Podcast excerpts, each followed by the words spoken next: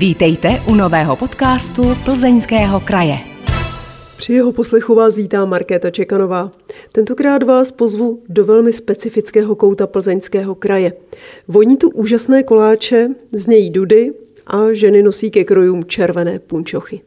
Víte? Nevíte? Naším cílem je Chocko a mým hostem ředitel muzea Chocka v Domažlicích Josef Nejdl. Dobrý den. Dobrý den. Nebo mají chodové nějaký specifický pozdrav? Nemáme, nemáme. E, mluvíme sice dialektem, možná to je slyšet i na mě, e, ale, ale e, specifický pozdrav nemáme. Ne, vy mluvíte úplně normální češtinou, to není bulačina. Možná pro někoho, kdo není ze západu Čech, kdybyste řekl nějakých pár vět, máte nějaký naučený proslov? Ono s tím nářečím je to trochu složitější, protože furt se říká, že nářečí mizí. Ono nářečí se vyvíjí, to je daleko přesnější pojmenování toho procesu, který probíhá, protože, protože eh, mění se nám slovní zásoba, tak jak se vyvíjí společnost, tak s tím se vyvíjí i eh, určitým způsobem slovní zásoba. Nejenom, že se mění slova, že se pojmenovávají věci jinak, přichází sem eh, věci z Němčiny, z angličtiny, z latiny. To je vlastně proces, který probíhá dlouhodobě a probíhal vlastně od jak živa. Ale to, co je zajímavé na tom nářečí, a proto já říkám, že ono nezaniká, ale že se vyvíjí, je jednak melodie, jednak intonace, kterou máme. Nemáme to jenom my, mají to na Moravě, mají to Ostraváci, mají to v Praze. Každý má svoji eh, melodii. A co se nemění, jsou zájmena. Eh, zájmena zůstávají pořád stejná, takže ty nám zůstávají a ty nám tak trochu by eh, okrášlují to naši, tu naši mluvu. Takže já kdybych měl eh, něco, do, jo, dokonce se, dokonce se některá slova přizpůsobují tomu našemu nářečí, takže se u nás se na Chodsku nejezdí, nechodí k doktorovi a chodí se do chtoru, že jo. Nejezdí se s traktorem, ale na traktoru, že jo. Takže to jsou věci, které jakým způsobem se zase přizpůsobujeme. To, že mluvím, tak já se pohybuju ve společnosti, eh, v, mluvím do médií, tak musí člověk mluvu přizpůsobit, no ale jak se dostanu do toho tradičního prostředí, tak přirozeně, že používám dialekt, ve kterém jsem vlastně vyrostl. A nejsem ojedinělý případ, eh, máme případy, kdy eh, studenti odejdou na školu, mimo, mimo region ehm, vlastně chytnou takový ten, ten přízvuk kraje, kde zrovna působí, no jakmile se k nám vrátí, no tak zase spadnou zpátky do toho, do té tradiční mluvy. To si myslím, že je velmi sympatické a děje se to, děje se to pořád, tak můžeme být na co pišně, i když ne vždy zrovna, zejména z řad pedagogických pracovníků slýcháme, že mluvit nářečím je zrovna to správné, ale jako zástupce paměťové instituce bych tohle to měl ocenit. Vy jste z muzea Chocka v Domažlicích. Domažlice se běžně označují jako srdce Chocka, ale já jsem se moc krát setkala s tím, že se chodové ohradili, že Domažlice nejsou Chocko. Tak jak to je? No to se ohradili správně, protože Domažlice geograficky jsou, řekněme, někde uprostřed toho Chocka ale v minulosti, když se podíváme do historie, tak eh, chodské nebyly.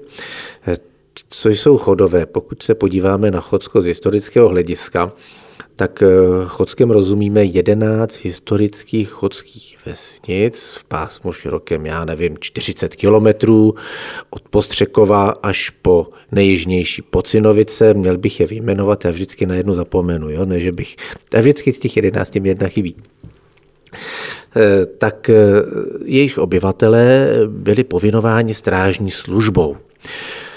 To byl fenomén, který byl daný českým králem a e, tito obyvatele, nebo princip té strážní služby spočíval něco jako je finanční služba, finanční stráž na hranicích. Oni měli za úkol vybírat poplatky, jako jsou clo nebo míto, měli zabezpečovat volný průjezd eh, průsmykem, eh, kudy vedla významná obchodní stezka spojující Prahu, Plzeň, vlastně přechod tady do Mažlice, Furt Imwald a potom dále se větvila na eh, Amberg a Norimberg a dále do Evropy, a nebo na Regensburg a přes Brennerský průsmyk potom do, do Itálie.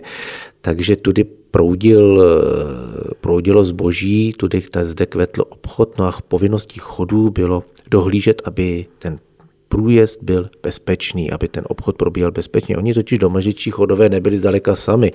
Na sever byli eh, chodové eh, přimští, tachovští a plánští, no a na jich byli slavní králováci, Kýniše Bauern. No a to je Chodsko z historického hlediska. To jsou 11 historických chodských vesnic. Domažlice byly tak trochu stranou. Domažlice měly vlastní samozprávu, ale sídlil tam zástupce krále, královský purkrabí na Chodském hradě, kde máme dnes muzeum, který dohlížel na to, jak ti chodové fungují, zda plní svoje povinnosti či neplní svoje povinnosti. No a samozřejmě eh, dohlí, eh, pokud neplnili, tak měli možnost sankcí, takže chodové měli vlastní soud, měli vlastní prapor, měli vlastní pečeť a za tuto královskou službu, protože král z nich měl eh, vždycky materiální požitky, každá doba je o penězích, nejenom ta současná, tak za tuhle tu službu používali obrovské výhody. Nikde v Evropě neznáme podobný případ, kdyby sedláci mohli požívat takové výhody, jako eh, my známe to Jiráskovské, že nemuseli chodit do roboty, ale oni eh, mohli nosit zbraň u sebe, oni mohli eh, bez omezení pro svoji potřebu kácet dřevo v královských lesích, zrovna tak tam mohli lovit zvěř to bylo něco nemyslitelného, aby obyvatelé venkova, aby sedláci měli taková, taková privilegia. Dokonce ani i kolegové, když to zjednoduším, králováci anebo chodové tachovští, přimští a plánští takové výhody neměli. To měla výsadu domažličtí. domažličtí zasloužili? Eh, Čím si to zasloužili, nevíme. Pravděpodobně, pravděpodobně šlo o to, že Jan Lucemburský, který definoval roku 1325 jako první pravidla fungování těch chodů a který vlastně stanovil exaktně vymezil strážní službu i ty požitky, tak v té době byla tady ta obchodní cesta mezi Prahou, Plzní, a Regensburgem, potažmo tedy Amberkem, tady ten průchod eh, přes Český les kolem Domažlic byl velmi frekventovaný a přinášel do královské pokladny zřejmě největší zdroje. Musíme si uvědomit, že Lucemburkům tehdy eh, patřili Eh, patřila část severní Itálie, oblast Pisy, oblast Luky. Eh, tatínek Jana Lucemburského je pochován v Pise, v Pisánském domu třeba, takže oni tam, oni tudy poměrně často jezdívali, plynul zde obchod, takže zřejmě to byl důvodem, proč eh, ta privilegia, ty požitky těch chodů za strážní službu, domažlických chodů, že byly asi největší. Takže můžeme říkat, že Domažlice jsou hlavní město Chocka nebo srdce Chocka, nebo bychom to měli úplně škrtnout? Domažlice stály trochu stranou, protože Domažlice byly trhová osada, eh, která eh, žila z obchodu. Bylo to město, kde, kde, byly, služby, kde byly služby, ale eh, nikdy s těmi chody, nikdy s těmi chody nesrostly. Oni vždycky, vemte si, že postavení těch venkovanů bylo stejné, prakticky stejné, společensky na stejné úrovni jako těch měšťanů. No to nikdy nedělá dobrotu, takže oni se, eh, oni se velice často mezi sebou, eh, velice často se mezi sebou kočkovali. Docházelo k různým třenicím, k nějakému vyloženému otevřenému vystoupení nedošlo. To až eh, když Domažlice vlastně získali do svého vlastnictví celé chodské panství. Zase, abychom to viděli v souvislostech, já vždycky s, tak trochu odlehčeně říkám, že nedílnou součástí českých dějin je prázdná státní pokladna, což platilo v minulosti zrovna tak jako dneska, tak eh, český král zastavoval svůj majetek, aby si mohl od šlechticů půjčovat, eh, půjčovat peníze. No a eh, zastavoval svůj majetek i chodsko, včetně těch chodů. No a ten zástavní pán chtěl ekonomicky co nejvíce vytěžit z toho kraje, který získal, z toho majetku, který měl dočasně v držení. Pardon, který král dal chody do zástavy? Uh, už Jan, už Jan Lucemburský, ale bylo to v 15. v 16. století, uh, je teď Teď bych, musel, teď bych musel typovat, ale tehdy pod zprávou Švamberku uh, to bylo velmi, velmi komplikované. Švamberkové si schody hodně užili. No a Chodové měli privilegia, oni měli svoje práva, na které, která byla nedotknutelná. No a ty musel e, zástavní pán respektovat a chtěl nebo nechtěl. A oni odmítal respektovat. A z toho potom plynuly různé třenice, jak jsem zmínil, Švamberkové si schody užili, užili svoje a tam si chodům podařil husarský kousek, kdy se dokázali z takové zástavy vykoupit, aby se stali opět majetkem krále. Ovšem zadlužili se. Zadlužili se u města Augsburg, no a domažličtí, kteří chtěli celé to panství kolem, tak eh, se rozhodli, že ten dluh za chody uhradí a chodové spadnou pod jejich zástavu, což se podařilo. Ovšem eh, i pro domažlické to bylo velké sousto, snažili se ten kraj ekonomicky vytěžit a tam potom docházelo k různým třenicím, ale odehrávaly se eh, pro nás Čechy v takovém, takovém eh, tradičním duchu, že si vzájemně zakazovali mimo jiné Mimo jiné si zakazovali, domažiti zakazovali chodům vařit pivo a museli odebírat pivo, pivo z domažického pivovaru a oni si chodové posílali stížnosti na Královskou komoru do Prahy, že jim to pivo nechutná, že si budou vařit svoje. A tak já vždycky říkám, spíš než otevřený konflikt, ke kterým docházelo středa celkem běžně, kde byly některé i oběti na životech, tak tady ten kraj tím, že se vlastně po celou dobu své historie hádali o pivo, jestli je dobrý nebo není dobrý, tak eh, šťastný to kraj. On tajemstvím je zahalen i samotný původ chodů.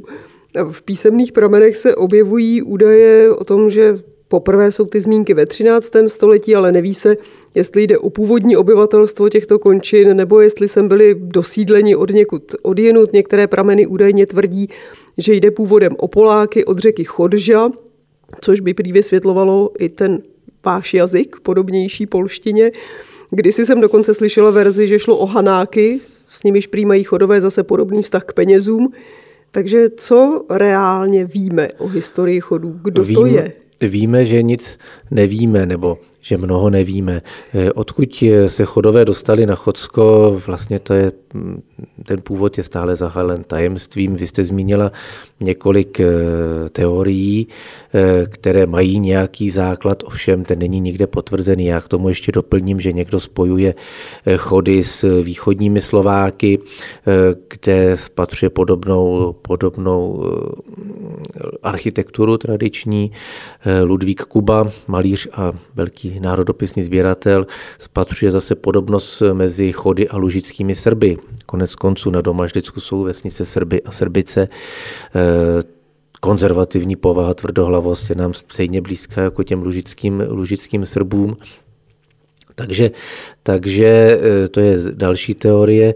S největší pravděpodobností, ovšem chybí nám proto nějaký, nějaké potvrzení, jsou chodové nejzápadnější výspa Slovanů. Musíme si uvědomit vlastně, že Slovana, slovanské osídlení sahalo mnohem více na západ než dnes, až k řece Nábě, až k řece Nap, konec konců i Labe, Berlín, to bylo město, když jdeme na sever, to všechno byly slovanské osídlení, ty všechny mají drážany, to všechno má e, slovanské, slovanské kořeny. No a tak postupně na tom pomezí vždycky, jak e, jedna civilizace dominantnější, tak e, jak si přesáhne do, to, do toho druhého, nemusí to být zrovna nějakým vojenským způsobem. Ehm, vždycky se říkalo, že byli vybiti, ale ono se nemusí, oni mohli splynout a prostě ta dominantnější kultura s dominantnějším jazykem prostě ehm, překlene, překlene to původní obyvatelstvo. Takže z největší pravděpodobností jsou chodové nejzápadnější výspa Slovanů, že vlastně tady zůstali oblasti toho všerobského průsmyku, zatímco ostatní slované eh, vlastně podlehli té dominantnější německé kultuře. Eh, nevíme, mm, co se stalo s Kelty třeba, kteří tady byli, eh, zda splynuli s obyvatelstvem nebo byli nějakým způsobem vybiti nebo urozeni, urozeni těmi dalšími, dalšími civilizacemi. To jsou věci, které stále zůstávají tak trochu, tak trochu záhadou. Ale pravděpodobně nejzápadnější výspa Slovanů. Jak se na vnímání chodů a jejich historie a tradic podepsal Alois Jirásek nebo Jindřich Šimon Bár? to jsou dvě naprosto odlišné osobnosti, úplně dva naprosto odlišné přístupy. Já bych začal tím Aloisem Jiráskem, protože Alois Jirásek je mu připisováno vlastně tím, že vydal psohlavce, že si vymýšlel a že lhal. Je to třeba vidět všechno v souvislostech. Máme polovinu 19. století, máme na období národního obrazení, máme období, kdy se v Evropě identifikuje celá řada národů. Němci, vzniká nám Německo, Italové, vzniká nám Itálie. Jeho slované se začínají vymezovat spoza eh, mnohonárodnostní rakouské monarchie. Eh, podobně tak i Češi se začínají vymezovat vůči německé většině anebo německým mluvícím národům a vůči, vůči Rakousku. Takže to je takové období období, kdy každý hledá své vlastní eh, dějiny. No a tak na Chodsko, i na Chodsko přijíždějí národní buditele, protože to je český mluvící nebo slovanský mluvící oblast. A jezdí sem, jezdí sem eh, národní buditele, Karel Jaromír Erben, ještě před nimi tady byla Eliška Krásnohorská, Karel Jaromír Erben, Božena Němcová. No a ty nějakým způsobem e, představují Chodsko vlastenecky smýšlejícímu národu. Zatímco Karel Jaromír Erben se věnuje kroji, Božena Němcová se věnuje lidové slovesnosti a objevuje jakýsi příběh eh, nevinně utraceného sedláka, nevinně popraveného sedláka a objevuje v, kout, v archivu Koutsko-Trahanovského panství jakýsi proces, který zde proběhl, jakási selská bouře, vzpoura, která tady proběhla. No tak eh, na pozvání vynikajícího lékaře pana doktora Tomajra přijíždí i Alois Jirásek, vynikající literát, eh, který velice rád eh, nějakým způsobem ve svých dílech, ve své literatuře eh, zohledňoval slávu českých dějin. On svůj příběh zasadil do nějakého skutečného příběhu.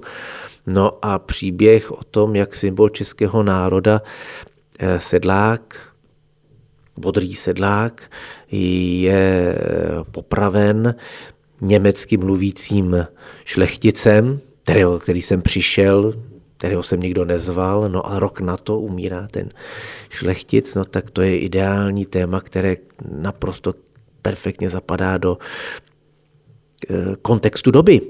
To je to, po čem prahnul český čtenář, takže Jiráskovi psohlavci to byl prostě bestseller eh, je to vlastně opět příběh zasazený do nějaké skutečné události, ale podívejte se na eh, produkci třeba eh, eh, Hollywoodu, když to vezmeme, Zachraňte vojna Ryana, Gladiátor nebo mm, Titanic. Máte taky skutečnou událost a do toho je zase příběh. Jirásek dělá v české literatuře totéž. Jo? No a měl k dispozici pouze Koutsko-Trhanovský archív nikoliv eh, vídeňský archiv, takže i díky tomu je ten příběh tak trochu deformován, ale je psán tak, aby eh, se dobře četl, aby eh, bylo naplněno přání čtenářovo. Takže to je hlavní smysl Jiráskových souhlavců. No ale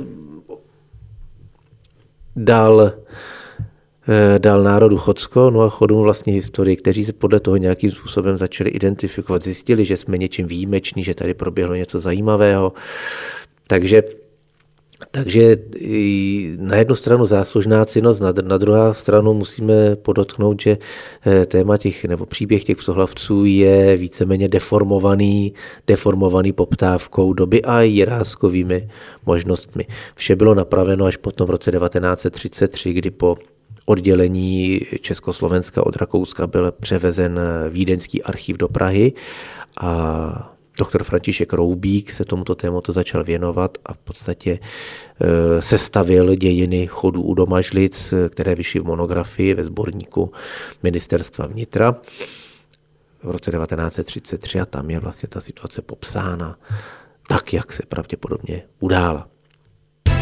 Posloucháte podcast Plzeňského kraje a spolu s Josefem Nejdlem se touláme Chodskem. Podcast připravujeme těsně před chodskými slavnostmi v létě 2022.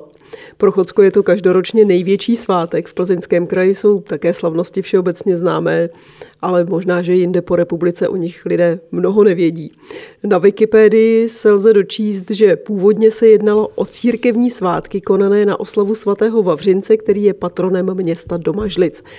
V srpnu roku 1939 se Domažlické pouti zúčastnilo 120 tisíc lidí z celých Čech. V letech 46 až 49 se ještě konaly chodské pouti na Veselém kopci v blízkosti kaple svatého Vavřince, provázené bohatým folklorním programem. Po roce 48 ale přestala být církevní forma slavností žádoucí. Čím vším si tedy chodské slavnosti ve druhé polovině 20. století prošly? Já zase upřesním tak trochu to vaše povídání z Wikipedie a pokusím se zasadit do souvislostí. Do souvislostí máme 18. století, máme období e, poměrně intenzivní rekatolizace a josefínských reform, kdy je zakládána celá řada farností a v této souvislosti nám vzniká fenomen poutí, což je vlastně oslava patrona daného kraje, dané farnosti, dané, daného poutního místa, vesnice, městečka. Tady na Chodsku, tady v té jeho střední části kolem Domažlic je poměrně silný kult svatého Vavřince a tak se konaly svatovavřinecké pouti, o kterých by nikdo nevěděl, oni by vypadaly tak, jak vypadá běžná pouť kdekoliv jinde v naší vlasti. Avšak eh, Domažlice musí mít zase tak trochu něco. E, něco zvláštního. V Domažlicích byly tyto pouti tři. V Domažlicích se oslavovala pouť e, naroz, e, narození Pany Marie, protože nar, paní Marii, nebo narození paní Marie je zasvěcen hlavní farní kostel, arciděkanský chrám v Domažlicích, ale zároveň se slavila i pouť svatého Jana Nepomuckého. Kaplička, ke které se tato pouť vztahovala, stojí dodnes na místě bývalého hřbitova, když se odjíždí na Horšovský týn. No a pak to byla pouť svatého Vavřince, protože část tehdejších domažlic, takzvaná za potokem, někdo tomu říká vznešeně řeka, on je to potůček, v jižní části, jižní předměstí Domažlic takzvaný Bezděkov, kde žila taková ta nižší sociální vrstva, tak ty byly přifařeny právě ke kostelíku na Veselé hoře a který byl oslavou svatého Vavřince. No a protože ta pouť byla mnohem taková intenzivnější, takže ta postupně převládala. A e, původ chodských slavností, kdy máme kombinaci církevní slavnosti, církevního svátku v kombinaci s kulturním programem, tak skutečně začíná v roce 1939, ale zcela spontánně. V roce 1939 e, se uskutečnila pouť, eh, která přerostla v obrovskou celonárodní manifestaci proti německé okupaci.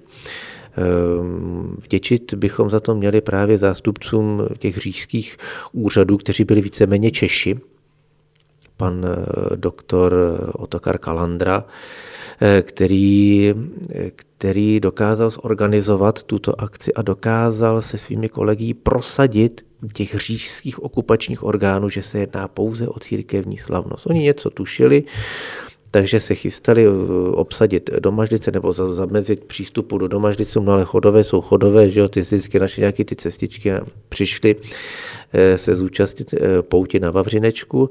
Eh, k tomu se sjížděli do domaždic naprosto spontánně. Celá řada obyvatel, vlasteneckých smýšlejících obyvatel z naší vlasti a e, kázání monsignora Bohumila Staška bylo pojato velmi silně vlastenecky a e, ta pouť měla obrovský emoční, emo, emocionální efekt, takže, takže ty lidé se tam vlastně mm, semkli a dá se říct, že to vlastně první projev, první projev jakéhosi odporu, odporu proti německé, německé okupaci.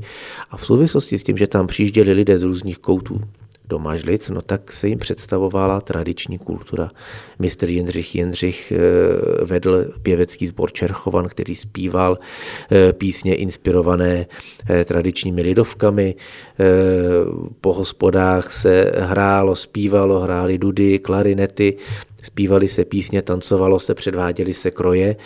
Takže to byla taková velká slavnost, dokonce i místní se uvolili k tomu, že si ten kulturní program zopakovali až druhý den, aby návštěvníci měli přednost. To se málo kde vidí. No a přirozeně po eh, té pouti, která byla obrovským průšvihem, selháním těch eh, okupačních úřadů, tak nastala, nastala persekuce. Eh, řada lidí byla odvlečena do koncentračních táborů, včetně monsignora Bohumila Staška, který vedl to vlastenecké kázání, včetně Otakara Kalandry. No a všem v roce 1945 po osvobození se konala opět taková pouť úplně v jiném duchu, už to bylo v duchu osvobození. A tak by to bývalo pokračovalo nebýt těch pohnutých dob po roce 1948, kdy se k moci dostávají komunisté no a začínají eh, lidem organizovat život. Eh, najednou je víra v Boha a oslava církevních svátků něco špatného, nečistého, takže se snaží transformovat, transformovat eh, slavnosti úplně jiným směrem. Eh, v shodu okolností v srpnu, to bylo 8. a 9. srpna, proběhla eh, bitva u Domažlic 1431 takže se snaží oslavovat husity, no ale ono to vždycky skončilo s tou dodáckou muzikou v hospodě. Dále se snaží dělat eh, oslavy, eh, oslavy eh, vzniku JZD, oslavy demonstrace proti korejské válce. Jo, všechno se je uměle děláno naprosto nepřirozeně, nuceně, lidé to nebaví, protože k tomu nemají vztah, ale byl to důvod vždycky skončit s tou dudáckou muzikou, s písničkama, s tancema, eh, s tancema u, eh, eh, u, u té dudácké muziky někde v hospodě. Takže v roce 1955 přichází téma chodských slavností. Ovšem musí se konat tak, aby lidi nechodili do kostela. Takže je stanoven kulturní program, který se právě koliduje zrovna s těmi církevními oslavami. Získá to svoji popularitu.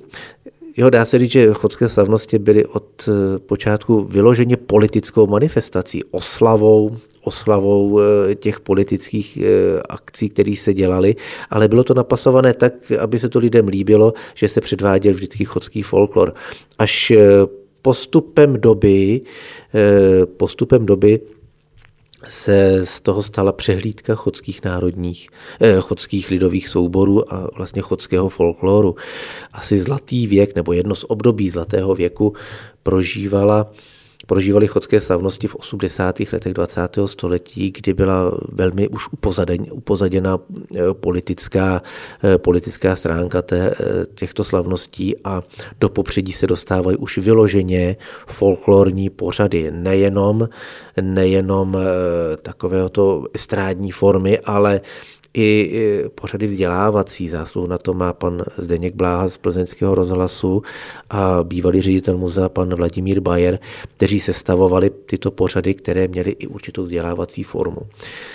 Po roce 1990 tak nějak eh, se otevřely hranice a všichni jsme se vydali do světa takže zájem o tradiční eh, český, potažmo tedy chodský folklor klesá, eh, chodské slavnosti se hledají, eh, nikdo neví, jak bude, co bude, no a jak jsme si potom pořídili během krátké doby v Německu všichni vojetý auto, plastový okna, fritovací hrnec a mikrovlnou troubu, tak jsme zjistili zase, co, co dál, že jo, to už jsme měli, tak jsme začali zjistili, že jsme něčím výjimeční, protože i v tom Německu, i v tom světě nám dávali najevo, že máme být na co pišní, na ten chodský folklor, na ty tradice, které se do dneška udržují a žijí svým přirozeným životem.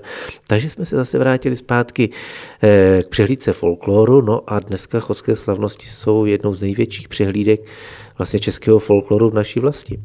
Čím to je, že se ten chodský folklor vlastně jako jediný folklor v Čechách, na území království tedy, udržel?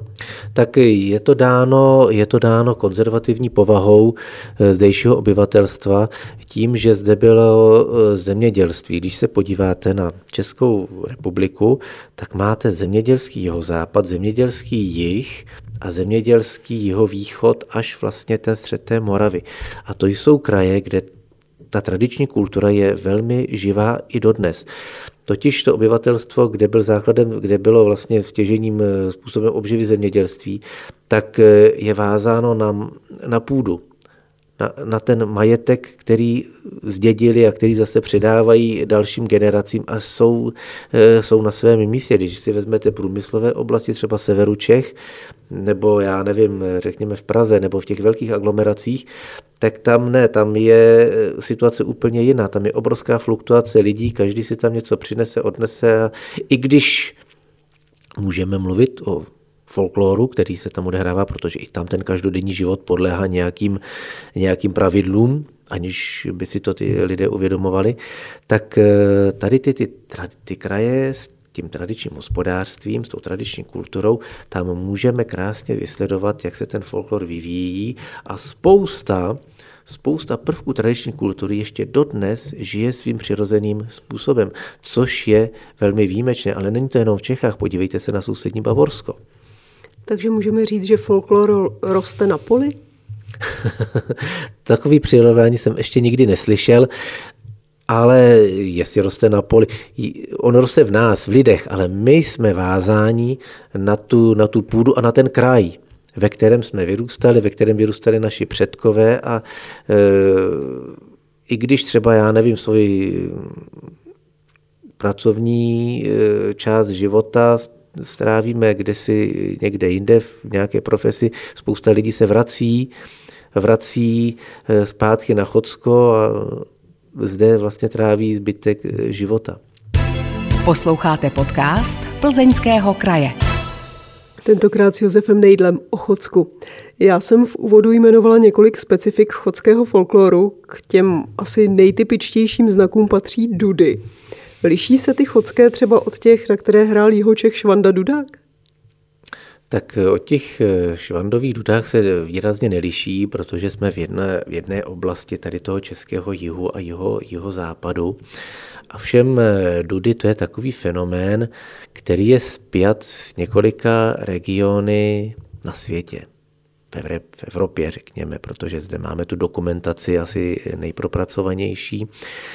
Kde vznikly dudy, to nikdo neví. Z největší pravděpodobností se jedná o nějaký pastýřský eh, hudební nástroj, který pochází od někud ze střední Asie, kde si v dobách ještě kdysi před naším letopočtem pastýři krátili chvíli hraním na hudební nástroje. Jejich základním principem je e, flétna nebo píšťala, e, která je spojená s měchem. K tomu měchu jsou ještě Eh, připojeny některé další píšťaly, které eh, drží akord v tom ladění a vydávaný nepřetržitý tón. To je základní princip dud, kde takhle fungovaly kde si už od nějakého pravěku, starověku, eh, kde jsou nejstarší doklady tohoto hudebního nástroje. Do Čech přichází dudy, řekněme, ve 13. století, ovšem tehdy se neříkali dudy, tehdy se jim říkali kory, korec, kořec, také, ale jsou o nich pouze uh, útržkovité zprávy, eh, útržkovité zprávy někde v kronikách, kde se třeba objevuje jenom někde útržky, že tam znějí kory jo, nebo že zazněl někde kořec. Ehm, název dudy získává tento nástroj někdy v průběhu 15. 16. století. No a ten typ, který jste zmiňovala, Švandovi dudák, eh, dudy Švandy Dudáka, anebo eh, dudy, eh, na který hrají chočtí muzikanti, to jsou ty, ty dvouměchové dudy, tak ty bychom mohli datovat někdy do nějakého 17. až 18. století, kdy někdy na Francouzsko, snad na francouzsko-německém pomezí, kde se taky hrálo na dudy, to dnes se hraje, tak eh, byl přidán ten druhý, druhý měch eh, a to se rozšířilo postupně, postupně i do Čech, kde eh, tento typ znázorněl. On to umožňuje, umožňuje tomu zpěvákovi nejen tedy hrát, ale i, i zpívat muzikanti rádi říkají, že si může potom, že může i hubičkovat tanečnice nebo zpěvačky. Ale tak trochu, to je tak trochu nadsázky. No a tento eh, typ dud zůstal zachován a v 19. století ještě existují paměti dudáků, kteří eh, tyto měchové, dvojměchové dudy eh, nazývají dudami německými. Zatímco českými dudami se nazývá klasický nástroj ještě s tím náústkem, kterému se, do kterého se foukalo ústy a tomu náústku se říkalo cucek. Ovšem v Německu se těm dvojměchovým říká der böhmische Bock. A teď se v tom vyznejte.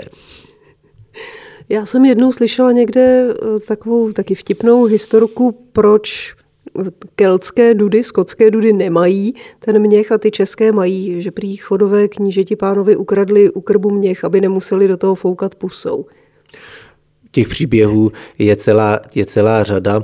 Eh, ovšem eh, Skotsko to je taky takový fenomén, kde se hraje, kde se hraje na dudy nejen ve Skotsku, v severní Anglii, eh, v Galicii, ve Španělsku, ve střední Itálii, tam se tomu říká zampoňa dokonce tomuto ná, nástroji. A ještě v těch konzervativních částech Evropy ve Středomoří se setkáme s nástrojem, který se nazývá launedas.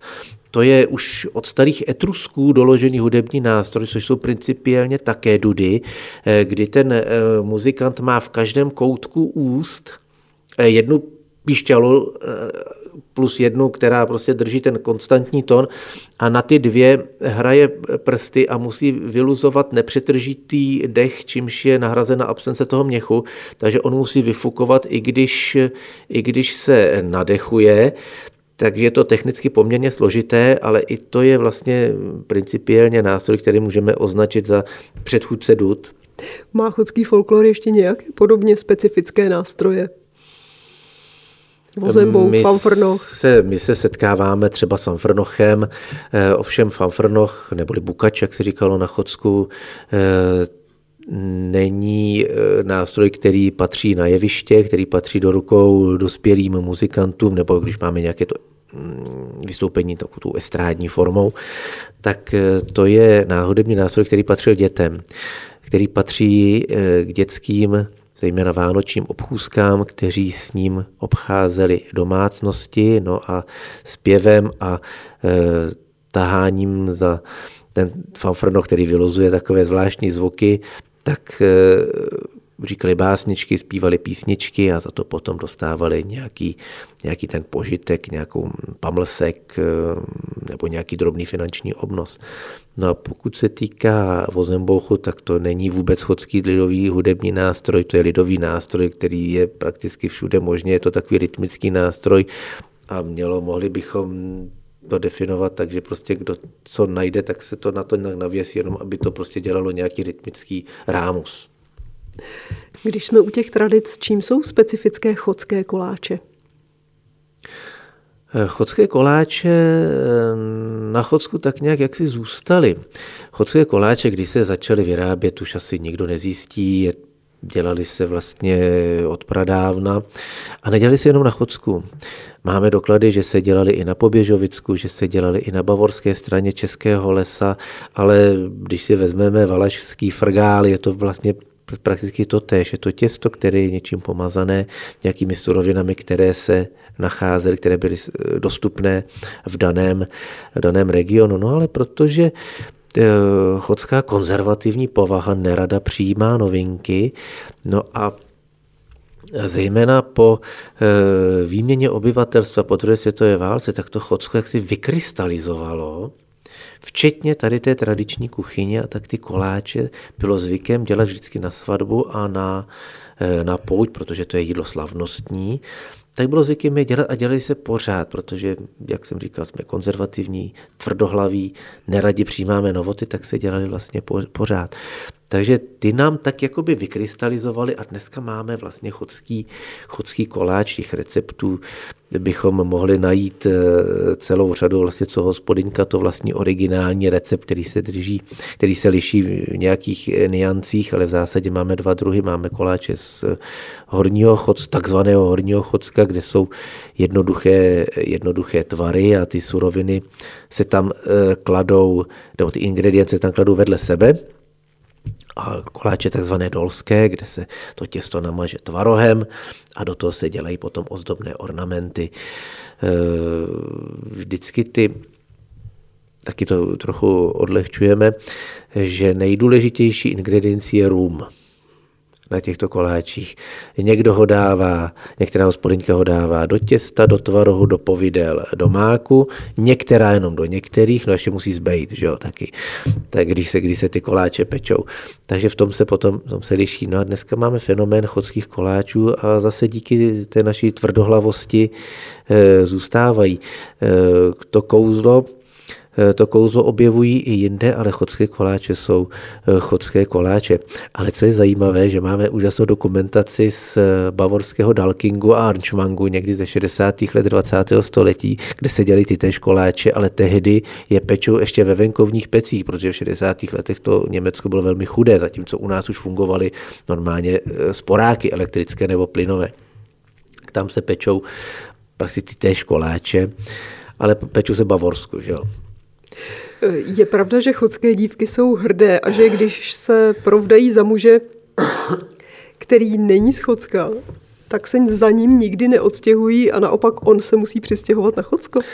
To asi už dneska neplatí, dneska už, dneska už ta situace ve společnosti je trochu, trochu jiná, protože e, příchodem jednak průmyslové revoluce a vůbec ta změna těch pořádků e, po, v polovině 20. století už rozbila ten tradiční způsob e, života.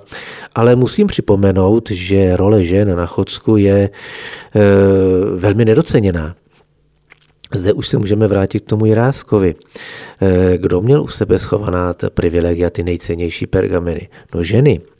Jdeme-li, vrátíme-li se k té kozinovské rebeli, k té selské spouře, tak eh, takovým asi nejvýraznějším projevem eh, odporu bylo srocení sedláků ve vesnici Pocinovice eh, roku, 14, pardon, roku 1693 a, nebo, pardon, 1695, 1695, kdy už ta počáteční nadšení už bylo dávno pryč a teď ten sedlák přemýšlí úplně jinak.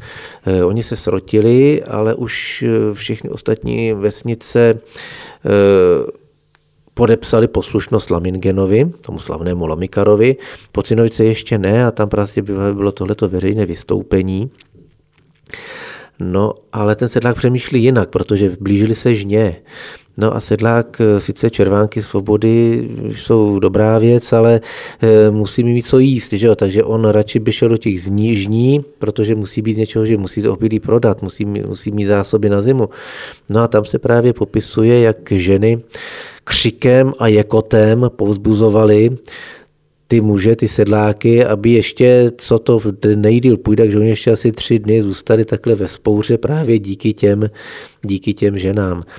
Další věc, eh, která se podepisuje na té, eh, na, eh, na, na té slávě těch chodských žen, taky je oblast Postřeková, což byla oblast Chodska, která byla trochu chudší než ty dolské obce, kde bylo lepší podmínky pro zemědělství a byly tam lepší obchod a prostě tam se žilo daleko lépe než v těch vyloženě podhorských eh, vesnicích, kterým třeba Postřekov je, tak eh, ti lidé, aby se tam uživili, tak eh, ti sedláci se neživili často, často sedlačením, když také, ale bylo tam poměrně rozšířené zedničina.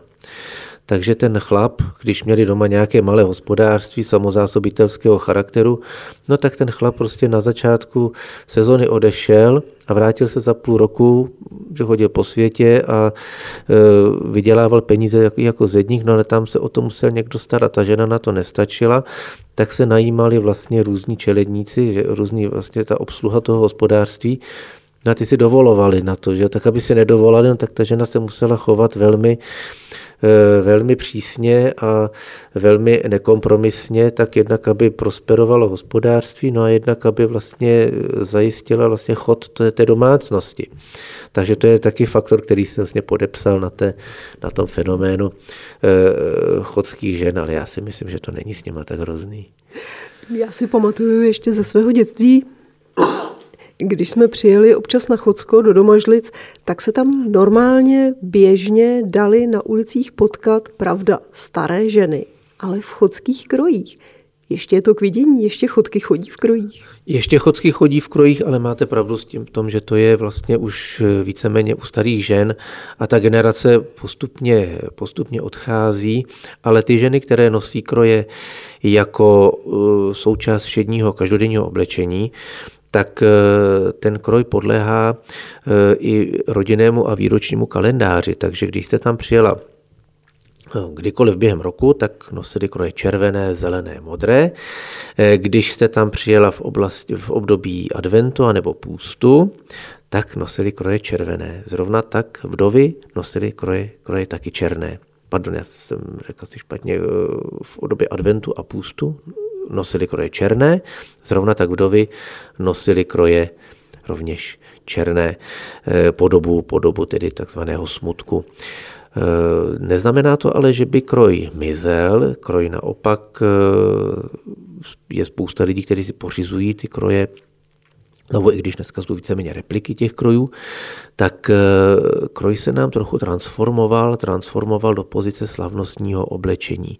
A tak se často setkáváme na bálech, na plesech, které sice také ubývají, ale že řada žen chodí na plesy eh, v takové té jednodušší formě chodského kole v těch rukávečkách, eh, že eh, slavnosti, které se konají sraz rodáků ve vesnicích, tak nejenom ženy, ale i muži oblékají oblékají kroje a on, z něho máme takovou druhou podobu slavnostních krojů. Což je dobře, že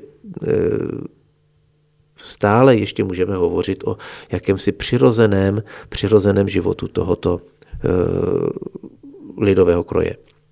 Pojďme na závěr být trošku heslovití. Pokud jsme naším povídáním někoho navnadili, že by se chtěl přijet podívat na Chodsko nebo přímo na chodské slavnosti, vůbec to tady nezná, nikdy tu nebyl, jaké jedno jídlo by rozhodně měl ochutnat? Jedno jídlo to říct neumím, ale bavili jsme se o koláčích, ale fenomén dnešní doby eh, kuchyně, že jo, jaké médium si otevřete, ať jsou to noviny, rádio, internet, všude se vaří, že jo, takže pod tlakem doby i my jako v paměťových institucích jsme byli donuceni věnovat se tomuto tématu. Je to velice zajímavé a jsme zase u té konzervativní povahy, že ty babičky eh, nerady měnily svoje zvyky, svoje, svoje návyky a tak se setkáváme ještě ve spoustě domácností. Se setkáváme s bacánem, s kocmoutem, s točem, eh, s níkrlaty, s mlíchtoč, teď si ještě vybavuju, rýpl, píprlák, eh, máme spoustu názvů. Těch tradičních pokrmů se zaplať, pečené zelí, šlejšky, eh, těch, těch, ty pokrmy ještě zaplať pámbu pořád žijou, jsou oblíbené, ovšem eh, je trochu nepraktické připravovat v restauracích, protože několik pokusů už proběhlo ale proto je to poněkud nezáživné a profesionální kuchař se k tomu velice špatně staví, takže to zůstává pořád takové to jídlo, jídlo v těch domácnostech, kde žije, zase pořád si žije svůj, svůj život. Ono totiž Ono totiž jde o to, že ono nákladově nejsou příliš komplikovaná ta jídla, ale jsou velice pracná a dlouho trvá jejich příprava, proto se nehodí na domeny, domeny do hospod, do nějakého meníčka do hospod, ale hodí se spíše do té domácnosti. V hospodách se s tím setkáváme a už taky byl kolikrát toho účastný formou nějakých těch dneska moderních degustační menu, takže to se připraví pro nějakou skupinu a takhle se degustuje, ale jinak, jinak v restauraci se setkáváme málo kde. Ale setkáme se, setkáme se určitě. Takže to je takový tip pro návštěvníky Chocka, zkusit si najít někde místo, kde se dají jídla těchto exotických názvů ochutnat, anebo možná sežeňte si ubytování někde v soukromí a třeba vám to tam někdo někde uvaří. Jaký suvenýr bychom si měli odvést z Chocka, když bychom přijeli na návštěvu? No tak kousek chodské keramiky, to je taky fenomén, eh, který má své zvučné jméno, i když eh, ten vývoj byl, vývoj byl úplně eh, jiný, tak to, čemu dneska říkáme chodské keramika, tak je keramika, kterou jsme si vlastně vymysleli, protože původně se dělala eh, keramika úplně jiná. Každý zná kolovečskou keramiku, takovou režnou. To, to je tradiční keramika, to je vlastně keramika z 18. století. Kolovči ještě touto technologií pořád, pořád tu, techni, tu keramiku vyrábí, ale Máme počátek 20. přelom 19. 20. století, přichází nám průmyslová revoluce, smaltované nádobí. No, každá hospodinka chtěla být moderní, že jo? takže si pořizovali eh, smaltované nádobí, které bylo trvanlivější, no a eh, tradiční hrnčíři prostě končili. Přežili pouze ti, kteří se zaspecializovali na výrobu suveníru pro turisty. No a tak máme chodskou keramiku, která vlastně původně byla tím suvenírem pro turisty a zůstává mi do dneška. Tolik tedy toulání krajem i historií Chocka. Hostem podcastu Plzeňského kraje byl ředitel muzea Chocka Josef Nejdle. Já vám moc děkuji za krásné povídání. Já budu rád, když se spousta našich, nebo když se naši posluchači já budu rád, když se naši posluchači eh, podívají na Chodsko, když rádi je tam přivítáme, ať už v nějakých z našich paměťových institucí, nebo v hledišti na chodských slavnostech, nebo jen tak kdekoliv se toulat v přírodě. Takže já děkuji za pozvání. Vážení posluchači, pokud znáte ve svém okolí někoho, kdo umí taky takhle zajímavě o čemkoliv vyprávět, dejte nám na něj tip, rádi ho přivítáme v podcastu Plzeňského kraje. Napište nám na adresu podcasty zavináč plzeňský pomočka kraj.cz. Na vaše e-maily se těší Markéta Čekanová. Díky za to, že jste poslouchali tento podcast. Připomínáme, že všechny podcasty Plzeňského kraje najdete také na stránkách Plzeňského kraje www.plzeňský-kraj.cz, na krajském Facebooku, YouTube nebo v Spotify, Apple podcastech a podcastech Google. Aby vám neutekly další díly, nezapomeňte nás sledovat nebo si přihlásit odběr, ať už nás sledujete nebo posloucháte kdekoliv. Těšíme se v příštím dílu naslyšenou.